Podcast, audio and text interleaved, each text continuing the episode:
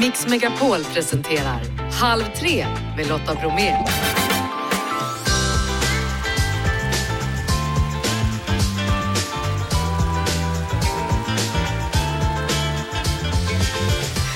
Hallå där och varmt välkommen in i Mix Megapols Halv tre-studio. I dagens mix, bäst före-datum. Vad är det till för egentligen?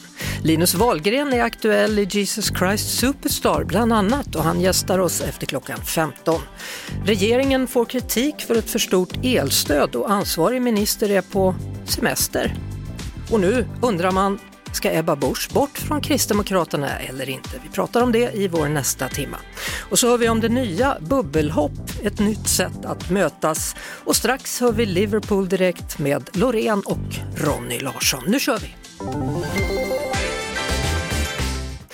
Hörrni, maten har blivit dyrare i affärerna och när en paprika har legat på runt 50 kronor så är det många som håller allt hårdare i plånboken och börjar tänka om och tänka på vad man kan använda av det man har i kyl och skafferi så man inte slänger bort något i onödan.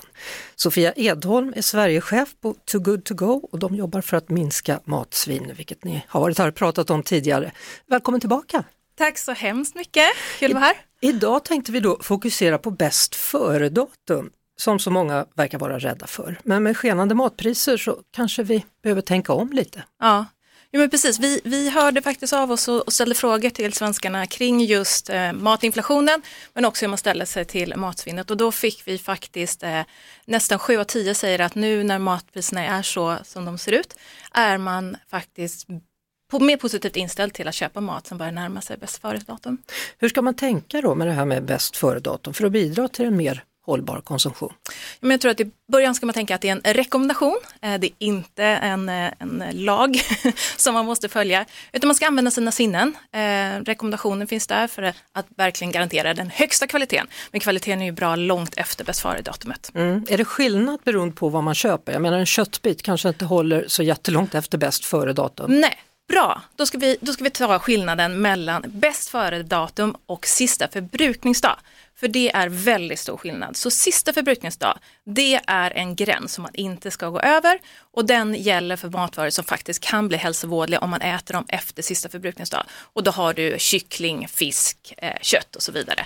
Så eh, blanda inte ihop, och det är många som gör, det är många som blandar ihop sista förbrukningsdag med bäst före-datum. Men det vi ska prata om idag är bäst före-datum och mm. då handlar det om att lita på sina egna sinnen.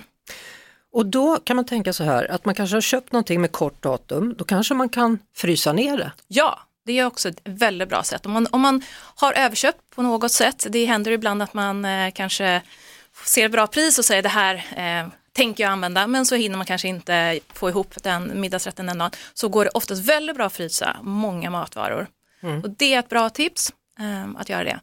Och även då om man passerar datumet så titta inte på vad det står på förpackningen utan titta på produkten. Hur ser, hur ser det ut?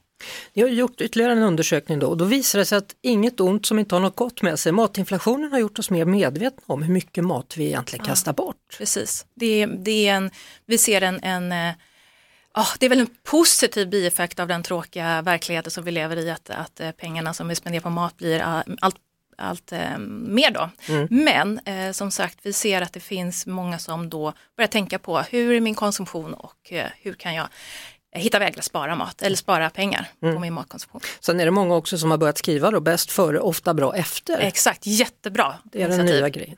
Eh, det visar sig då i de här siffrorna Sofia eh, att 51 procent säger att de är mer medvetna. Mm. 41 säger nej och andra vet inte. Och sen kan du tänka dig att köpa mat som närmar sig bäst före datum? Ja, för att komma ner i pris, 66 mm. procent. Mm. Sen för att göra något gott för miljön, där är det 22 procent. Ja, men det är ju så härligt att här har vi två, två, eh, två aktiviteter som går helt i samma riktning. Du, det gör någonting som är bra för din plånbok mm. och du gör någonting som är bra för miljö. För matsvinnet som jag tror de flesta i Sverige känner till är ju en väldigt stor, har en väldigt stor negativ inverkan på miljön. Eh, en tredjedel av alla växthusgaser som, som släpps ut härrör sig till just matsvinnet. Så kan vi hjälpas åt att reducera det så mm. har vi kommit en bra bit på vägen. På vägen till studion då så räddade du en överraskningskasse från en matbutik med varor som riskerades att slänga då slängas för att de närmar sig bäst före-datum. Och jag fick ju en chock när du talar om för mig att du har fått allt detta för 29 kronor. Ja. Berätta, vad är det du har där i din kasse? Jag svängde förbi en eh, partner till oss som är ICA nära Roslagstull som faktiskt har ett koncept där de samlar ihop eh, produkter som är nära bäst före-datum. Mm. Eh, och eh, det som jag har med mig i kassen till dig här har jag betalat 29 kronor för. det galet, Värde alltså. 90 kronor. Jag tror och jag vet att, att de brukar vara ganska generösa med innehållet så att jag, om jag gör en snabb huvudräkning här så har jag mer värde än 90 kronor. Mm. Om Men du berättar, blandat. vad är det du har där? En juice? Jag har eh, fått en eh, juice eh, och jag har en fil, en grädde, eh, några påsar med eh, både hasselnötter och mandlar. Och pompins, jag kan gissa det är väl sånt som man har sådär lite barbecue-mässigt så det har inte riktigt gått åt ännu. Den där kommer ju man lätt kunna spara en månad till och kunna äta till barbecuen man Ja. har lite längre fram. Men om vi då tar till exempel grädde. Ja. Grädde, bäst före-datum, oftast bra upp till en vecka efteråt, speciellt om man förvarar det kallt. Och det ska jag väl kunna säga också som en uppmaning att eh, faktiskt bevara sina varor ännu mer. Sänk temperaturen, många har fortfarande 8 grader i kylskåpet. Sänk till 4, då fördubblar du hållbarheten på dina mejeriprodukter. Och tänk också på att inte ställa kanske mjölken, många ställer kanske i dörren och då blir du utsatt för värmen, utan ställ det så långt in som möjligt. Förslut dina förpackningar, då har du en, en hållbarhet långt efter bäst före-datum. Och likadant juice då håller längre än vad man tror. Två veckor. Två veckor längre än vad- Mm. Om det är väl förvarat, in och ut och ställ det kallt. Jaha. Men sen är det en grej som du har där och du har fått några påsar med nötter här och Mm. det där, de kan ju bli sura. Fö- ja, precis. Nötter innehåller ju fetter och fetter kan eh, eh, härskna. Ehm, i, I den här formen, oöppnat eh, och eh, om du förvarar det mörkt och gärna lite svalt, flera månader faktiskt efter bäst Mm. före-datum. Men som sagt, igen, man ska använda sina sinnen, titta på det, lukta och sen smaka. Nej, men jag kan säga, jag hade nå- något gammalt paket med snabbnudlar hemma och det blev ju bedrövligt, det hade just blivit härsket. Ja. Mm. Och det trodde man ju skulle hålla i all evighet, nudlar, nej det gör det inte. Nej, Nej. Det är fetterna i sånt fall som, eh, Mm. men, men som sagt att tänka på förvaringen och eh, så finns det många. Och som sagt, likt, lite på sinnena. Datummärkningen den, den kom till 1985. Vad gjorde vi innan? Vi, sma- vi smakade på den innan såklart. klart sa, vi gjorde. klart det vi gjorde. funkar, det här funkar inte, den här mjölken är sur, nej. Ja, exakt. Ja. Så det kan vi hitta tillbaka till. Det är väl min uppmaning här idag att vi eh, Det låter hittar som tillbaka en och använder sinnena. alldeles utmärkt uppmaning, speciellt som att du också har fått med dig liksom pasta där som inte kommer säljas på grund av att paketet är lite buckligt. Ja, det Alltså vad, vad är det för fel på oss? Ja men det händer ju. Ja, ja. du sa det. Nej men, men vi är ju vana vid ett eh, överflöd, välfyllda hyllor och dessutom helt perfe- perfekta produkter. Och många av våra partners, det, det här har hänt en, en liten krossolycka här i upppackningen och, och pastapaketet har fått en liten törn och så hamnar det i, ja, inte i säljbara hyllan. Men nu har det sålts. Då har det sålts och räddats. Tack så mycket Sofia Edholm från Too Good To Go. Halv tre med Lotta Bromé på Mix Megapol. Och Ronny Larsson, en av schlagerprofilerna denna vecka, Eurovisionsprofil såklart på plats i Liverpool. Hallå där! Hallå där! Ja du, hur känns allt så här dagen efter? Eh, Det känns jättebra tycker jag. Jag tycker Lo- Loreen gjorde ju sitt bästa framträdande någonsin igår när hon fick, fick chansen att ta Sveriges semiplats. Alltså jag tyckte hon var helt outstanding. Jag såg det ut hemma? Det såg jättebra ut. Jag tyckte faktiskt också det. Jag skrev nämligen det eftersom jag refererade på Facebook under tiden att, att det var liksom det bästa hon har gjort, den låten. Så, Ja, det, är li- det, det saknar motstycke tycker jag. När det väl gäller så visar hon verkligen att hon är här för att vinna. eh, Kroatien gick vidare, med eller utan kläder, vad ska man säga? Det var väl en överraskning? Jo, men det var en liten överraskning och, och framförallt så är det en överraskning att den verkar gå jättebra på Youtube. Den är, har, har flest visningar av alla bidrag sedan igår. Men det är ju liksom någonting att titta på verkligen. Alila traktora, tjo, typ. Den går ju inte bort heller tyvärr. Jaha, Nej, den gör inte det. Den här traktorn har full fart mot finalen. ja verkligen. Eh, något annat som förvånade, var det någon som borde gått vidare men inte klarade sig hela vägen? Nej, det tycker jag inte. Det var, ju- det var ju liksom, det var i princip sex, sju låtar som skulle vidare och sen så hade det kunnat bli egentligen vad som helst därefter. Norge gick vidare, helt förväntat. Tjeckien gick vidare, Israel gick vidare och framförallt Finland.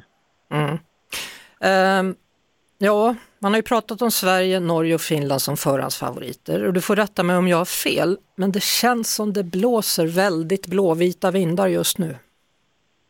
Tycker du det? Ja, det tycker jag. Ja, nej, jag är så övertygad om att Loreen kommer plocka hem det här. För jag tycker att, jag tycker att Finland, alltså den är jättebra och den, den tände verkligen arenan. Det var sån explosion igår i Liverpool när han gick ut på scenen. Men den tappar lite farten sista minuten tycker jag. Då sjunger han så pass svajigt och då kommer inte han ta de där extra juryrösterna som behövs för att plocka hem vinsten i slutändan. Mm. Vi får se. Alltså jag, jag, jag, går också på att en av programledarna, hon som är med i Ted Lasso där, den här makalösa kvinnan med blont hår. som jag inte kan namnet på. Ja, hon är ju fantastisk. Varje gång det var snabbrepris eller efter hans framträdande eller efter han hade visat sin dans så stod hon och gjorde cha-cha-cha och då kände jag, ja, jo då, så att det går nog hem det här. Ja, du ser det som ett tydligt tecken. Ja, men det är bra. Vi ska, det blir finkampen mellan dig och mig fram till på Så får det bli. Eh, har du haft tillfälle att prata med Loreen efter allt sammans? Ja, men det gjorde jag. Jag stannade, upp, stannade kvar väldigt länge på arenan igår för svensk media fick ta några ord med henne. Och hon, hon har så mycket energi. Hon är så härlig. Trots att hon hade hållit igång hela tiden så hon bara på jättebra humör. Hon skärmar verkligen fansen på plats. Hon, hon, har liksom det här, hon har det här grundade lugna i sig samtidigt som hon är så här härlig och sprallig och verkligen bjuder på sig själv. Mm. Hon, var jätte, hon var såklart jättenöjd med allting. Det kändes, det kändes bra. Hon är lugn själv och det är precis vad man vill känna inför lördag. Mm. Och här i programmet kommer ni höra kommentar från Loreen då efter klockan halv fyra. Imorgon så går du och jag igenom semifinal nummer två och sen så laddar vi tillsammans då för helgen och hörs igen på fredag. Du, det låter strålande. Nu ska jag på min road to hell och ta mig an repen för semi 2 här. För det är inte så lustigt. Nej, den är tveksam, semifinal nummer två. Jag vet att du tycker det.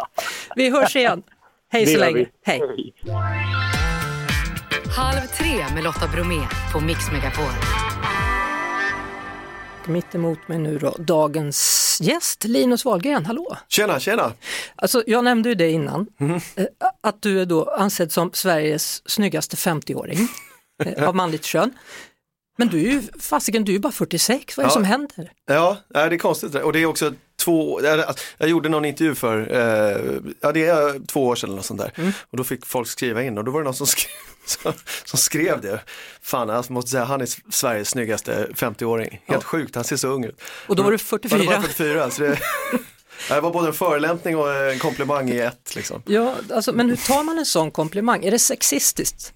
Eller nej, inte? Nej, nej det, det, är ingen metoo-varning på det där. Det står faktiskt inte mig att någon tycker att jag ser bra ut. Det, det ja, vore ju helt sjukt. Man vet inte, ah, okay. man vet aldrig. Tar Hörru du, nu är det dags för Jesus Christ Superstar igen då i sommar. Och med Peter Stormare, din lyckost. Ja, kul ju! Mm. Roligt! Mm. Ja, ja, ja, Peter är ju, han är ju legend liksom. Så att, och det är skitkul att få jobba med honom eh, live. Ja, men ni gjorde det förra året också? Ja, precis. Vi, vi gjorde tre eh, stora konserter på Dalhalla utav den här Jesus Christ Superstar. Eh, och eh, det var tänkt som att det bara skulle bli de tre.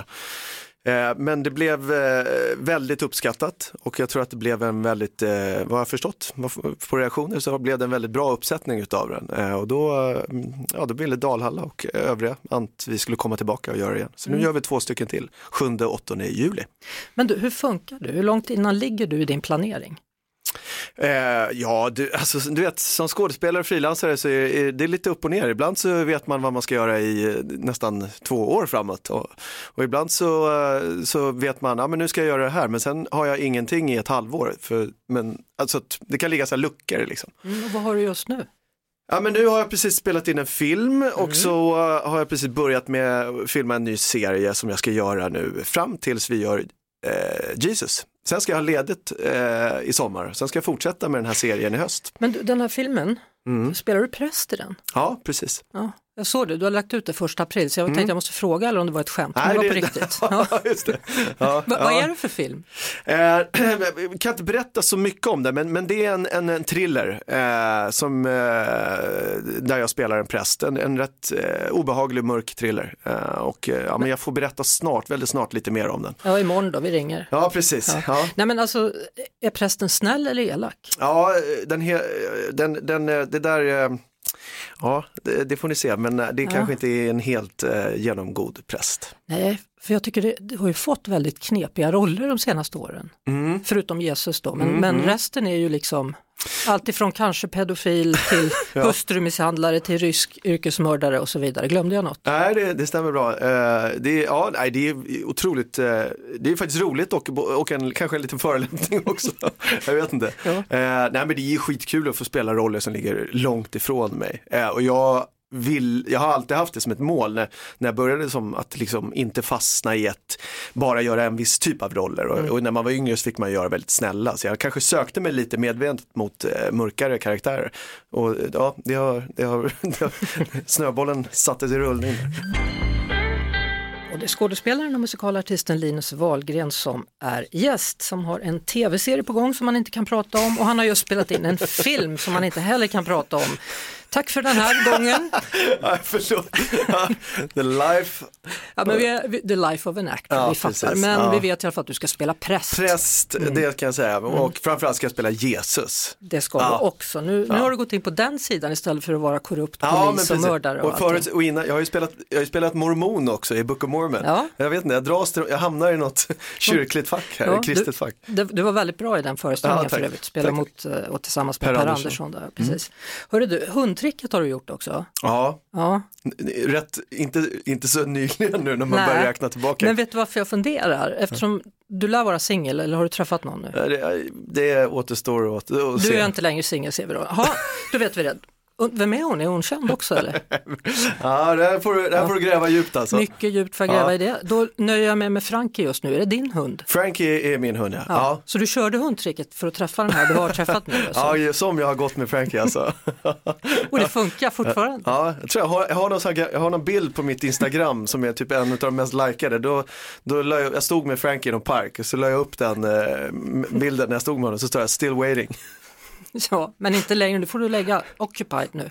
ja, vi får se. Faktiskt. Vi får se. Du är så blygsam nu. Här.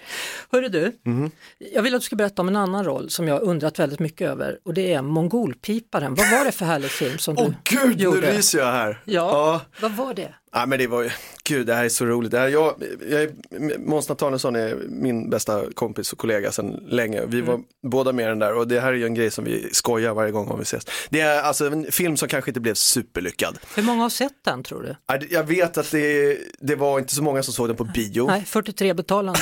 Typ. Ja, det kan vara så. Ja.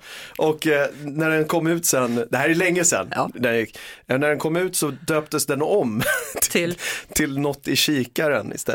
något i kikaren. Ja, det handlade om, jag spelade en, eh, en fågelskådare Ja. som, eh, som eh, hade något så här, dubbelförhållande. Ja, det var en jättekonstig film. Det skulle vara men- menat som en romantisk komedi, det blev en jätte, nej, det blev inte bra. Men så är det med filmer, ibland så blir det inte som man tänker sig. Hur hade du tänkt dig då? Mongolpiparen, jag söker för den rollen. Ja, nej, men det, här var, det här var tror jag efter jag hade gjort hundtricket, så att man var ju lite så här, ja men man var up, up and coming. Ja. Eh, och så fick jag någon förfrågan om det här och man blev ju så supersmickrad va. Eh, bli erbjuden en liksom, huvudroll i en långfilm. Eh, och man var i begynnelsen av karriären, kanske inte var superbra på att läsa manus och sånt där. Eh, så att jag bara tackade, jag tyckte det var skitkul. Eh, och så började vi spela in och kände så här, ah, men shit det här är ju, är det? blir inte riktigt så som jag trodde. Och sen så, ja, nej, den blev inte bra. Men det, nu, det är alltid kul som skådis att ha en sån där riktig, riktig flopp i bagaget som man Ja. kan skoja lite om. Men du fick ha sex på Gotland i alla fall. Ja, rauk, mot en förstått. rauk stod Bara det är ju värt biljetten. Bara det är värt det hela. Men om jag har fattat det rätt så skulle du gärna vilja spela en roll på engelska? Ehm, ja, ja, men jag har väl sagt att jag vill väl gärna jobba utomlands eh, om det finns möjlighet. Hur går det med det då? Eh, ja. Kan du inte snacka med Peter Stormare då? Ni ska ju Ja, ändå ses precis. nu i sommar här. och Ja. Nej men det, det, det, det som, som skådespelare så provfilmar man lite då och då för utländska grejer så får man se ibland. Jag, jag, jag landade en grej men eh, så kom det en pandemi emellan eh, som eh, tyvärr eh, strulade till det. Eh, Men ja, vi får se om det kanske går nya tåg. Kollade du på Mellon eller Eurovision igår? Nej det gjorde jag faktiskt inte. Men jag hörde det gick bra. Ja. Mm. Hur var det att segla över Atlanten ihop med Loreen? Det var grymt. Alltså det, thank God för Loreen kan jag säga på den. För hon, eh, hon var så fruktansvärt fint omhändertagande till hela gänget liksom. Det var en rätt tuff seglats. Eh, och vi hade en båt som bara gick sönder och gick sönder och gick sönder. Eh, så att vi, ja, men vi blev väldigt eh, tajta hela gänget och vi de, tillbringade många sådana här nätter när man seglar under natten då vi, jag stod vid rodret och, och Loreen och eh, Erik Ekstrand stod och höll, höll låda liksom för mig. Men alltså blir man inte rädd när man är där ute och det är världens högsta vågor och båten dessutom går sönder? Ja, jag är ju, nu har jag, jag är uppvuxen på sjön, eller lite sådär ute i skärgården och har seglat mycket som ung och mm. tillbringat mycket på sjön. Så att, stora vågor är ingenting direkt som skrämmer mig, men däremot när båten, vid vissa tillfällen, något tillfälle när båten vi, vi rev sönder ett storsegel mitt i natten. Sådär. Storseglet är det seglet som gör att båten är rätt stabil. Liksom. Mm. Och då när, den, när det gick sönder mitt i natten och vi inte har någonting stab, som stabilitet på, då gick ju båten så här som en liten, mm. liten kopp bara där ute på den. Då var man kanske inte superkaxig. Um, Förutom Loreen, för hon satt och mediterade. Ja, ja precis. Hon, eh, hon höll en varm eh, kram runt oss alla. Ja. Mm. Ja men kul då. Ja, nej, men jag hoppas, fan shit, jag ska se eh, finalen. Det måste jag absolut göra. Det måste du göra, den är på lördag. Ja, då ska jag kolla. Ja. Du, om vi säger så här då, om någon ringer dig och ber att du ska vara stand-in, vilken av följande program tackar du ja till? Är du med? Mm -hmm. mm. Nicke och Nilla, Bianca, Wahlgrens värld, Masked Singer, Allsång på Skansen, Benjamins, Fanny och Alexander eller Wahlgren och Wistam. Oj, shit det var många val där alltså. Ja, ni gör rätt mycket i familjen ja, om man säger så. Ja, jo verkligen. Mm. Eh, ja men eh, eh, Fanny Alexander, det hade varit magiskt va? Att få mm. kliva in där och jobba med Bergman och hela det skådisgänget. Det hade jag gärna tagit. Eller jag hade gärna hoppat in i, i, i Benjamins också, stått och vara lite host och laga mat och mm. ta, bjuda in härliga vänner. Och vilken tackar du definitivt nej till? Eh, och gud, det var många.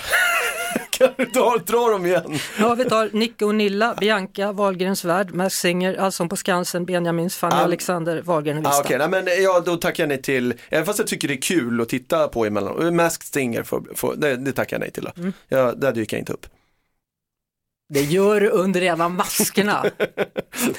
Du är den enda i familjen som inte har varit där nu nej, sett. Jo. nej, det är bara mamma som har varit med där. Ja, men det... Och syrran såklart i juryn, men nej.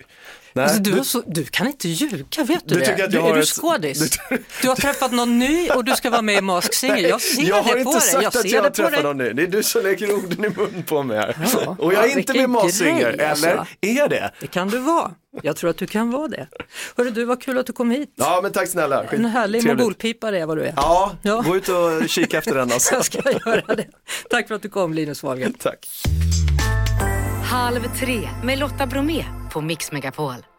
Igår var det ju då den första av två semifinaler inför Eurovision i Liverpool nu på lördag. Och Elaine Moe från Podplays podd Slagerfesten träffade efter allt sammans då en glad Loreen men något trött. Hon var nöjd med sin insats igår. Jo men det är jag. Det är jag faktiskt. Alltså, det känner man direkt när man ställer sig på scen och börjar sjunga. Är det en connection eller inte? Och är det det, som ikväll var det då är det, alltså det är helt outstanding. För den här energin händer ju inte när inte publiken är där. Det är det jag menar liksom. Hur laddar du om nu då inför lördag? Ja, jag gör det gamla vanliga. Jag känner att jag borde ge några roligare svar. Men det har jag inte. Liksom. Jag gör det gamla vanliga. Jag håller samma rutiner. Jag kommer kanske vila lite grann nu, liksom, en liten sovmorgon. Men älskling, jag har ett ansvar. Jag har ett jobb att göra. Vi kan inte sitta på latsidan och hänga. Det går inte. Utan eh, man måste göra det stolta. Då måste man kötta. Hur mycket vill du själv vinna? Ärligt talat så har jag inte ens tänkt på det. Men hur mycket vill jag att eh, folk ska liksom känna någonting i performancet? Väldigt mycket. Väldigt, väldigt mycket. Halv tre med Lotta Bromé på Mix Megapol. Finanspolitiska rådet idag kritiserar elstödet i en rapport om hur regeringen sköter finanspolitiken. Och där menar man att elstödet varit alltför omfattande. Det är över 60 miljarder kronor som har gått till detta. Niklas Svensson, Expressen, det här kan väl inte vara kul läsning för regeringen? Definitivt inte. Det här är naturligtvis en mardröm för regeringen. Är det någonting som regeringen inte vill bli anklagad för i dessa tider så är det för att ha slösat bort skattepengar samtidigt som människor inte har råd att köpa mat till sina barn. Man tar också då i den här rapporten upp att medier har haft svårt att granska information om elstöden och dess mottagare. Mm. Lagrådet har ju tidigare varit ute och kritiserat regeringen apropå just detta att uppgifterna om elprisstödet belagts med sekretess i 20 år. Mm. Eh, men det här har ju försvarats av regeringen gång på gång och eh, riksdagen fattade ju det här beslutet. Och det betyder ju att då kan man inte utvärdera det hela egentligen och man kan inte heller kräva ansvar eftersom man inte vet vart gick pengarna. Nej, precis så. Ansvarig minister för den här härvan då, vem är det? Ja, det är Kristdemokraternas partiledare Ebba Busch som ja. ju också är energi och näringsminister. Och var är hon? Ja, säg det den som vet. Hon är utomlands, hon är på semester med sina barn och eh, har helt lämnat walkover i svensk politik under två veckor. Mm. Och nu sägs det då i den senaste opinionsundersökningen att Kristdemokraterna är under 4 spärren för första gången sedan 2018 och att man har tappat var tredje väljare. Det är ganska mm. mycket det. Det är ganska mycket det och det här väcker naturligtvis starka känslor i partiet. Eh, mina kollegor på Expressen berättar idag att hon, Ebba Busch, alltså kritiseras internt nu och att eh, man börjat spekulera i vem som skulle kunna bli hennes efterträdare.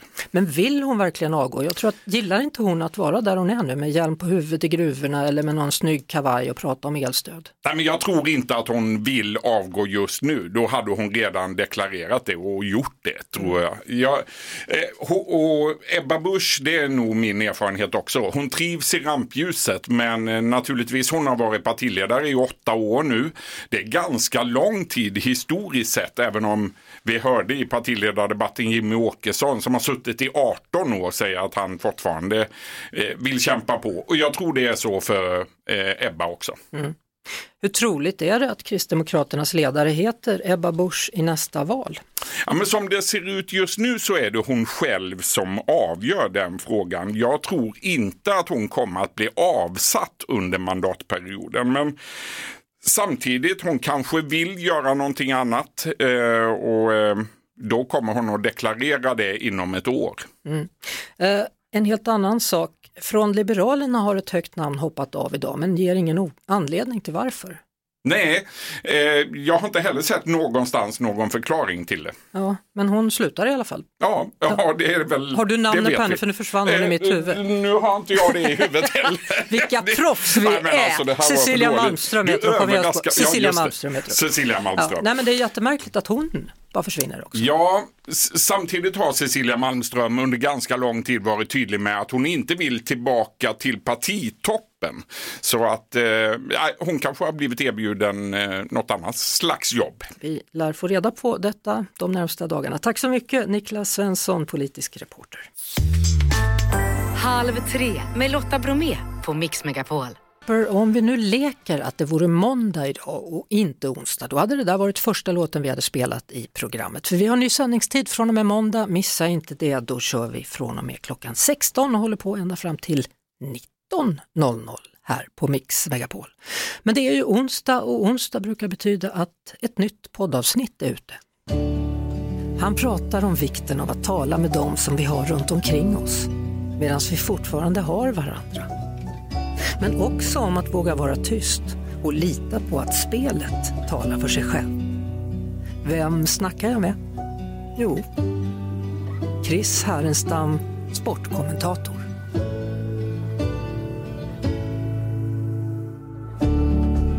När jag skulle till och träffa min biologiska pappa Henrik, eh, hette han. Han bodde i Vanda, eh, norra delen av Helsingfors med en stor förort, ungefär som Solna i Stockholm. Och då blir det så här att min fru Malin som stöttat mig oerhört mycket och än idag gör det, säger till mig att det är bara att gå dit. Det är bara att gå dit. Men jag hade ju byggt upp någonting som om han är farlig, våldsam och eh, kanske hela tiden är berusad. Och jag hade byggt upp att jag kanske kommer att få möta en man som, nekar mig eller är full eller till och med kanske mm, bara slå till mig. Och det, när du är så nästan hjärntvättad i den åldern när du är liten så har du ingen aning om vad, vad som väntar dig.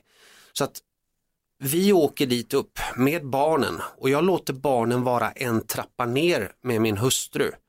För att jag har så enorma rädslor inför det som komma skall.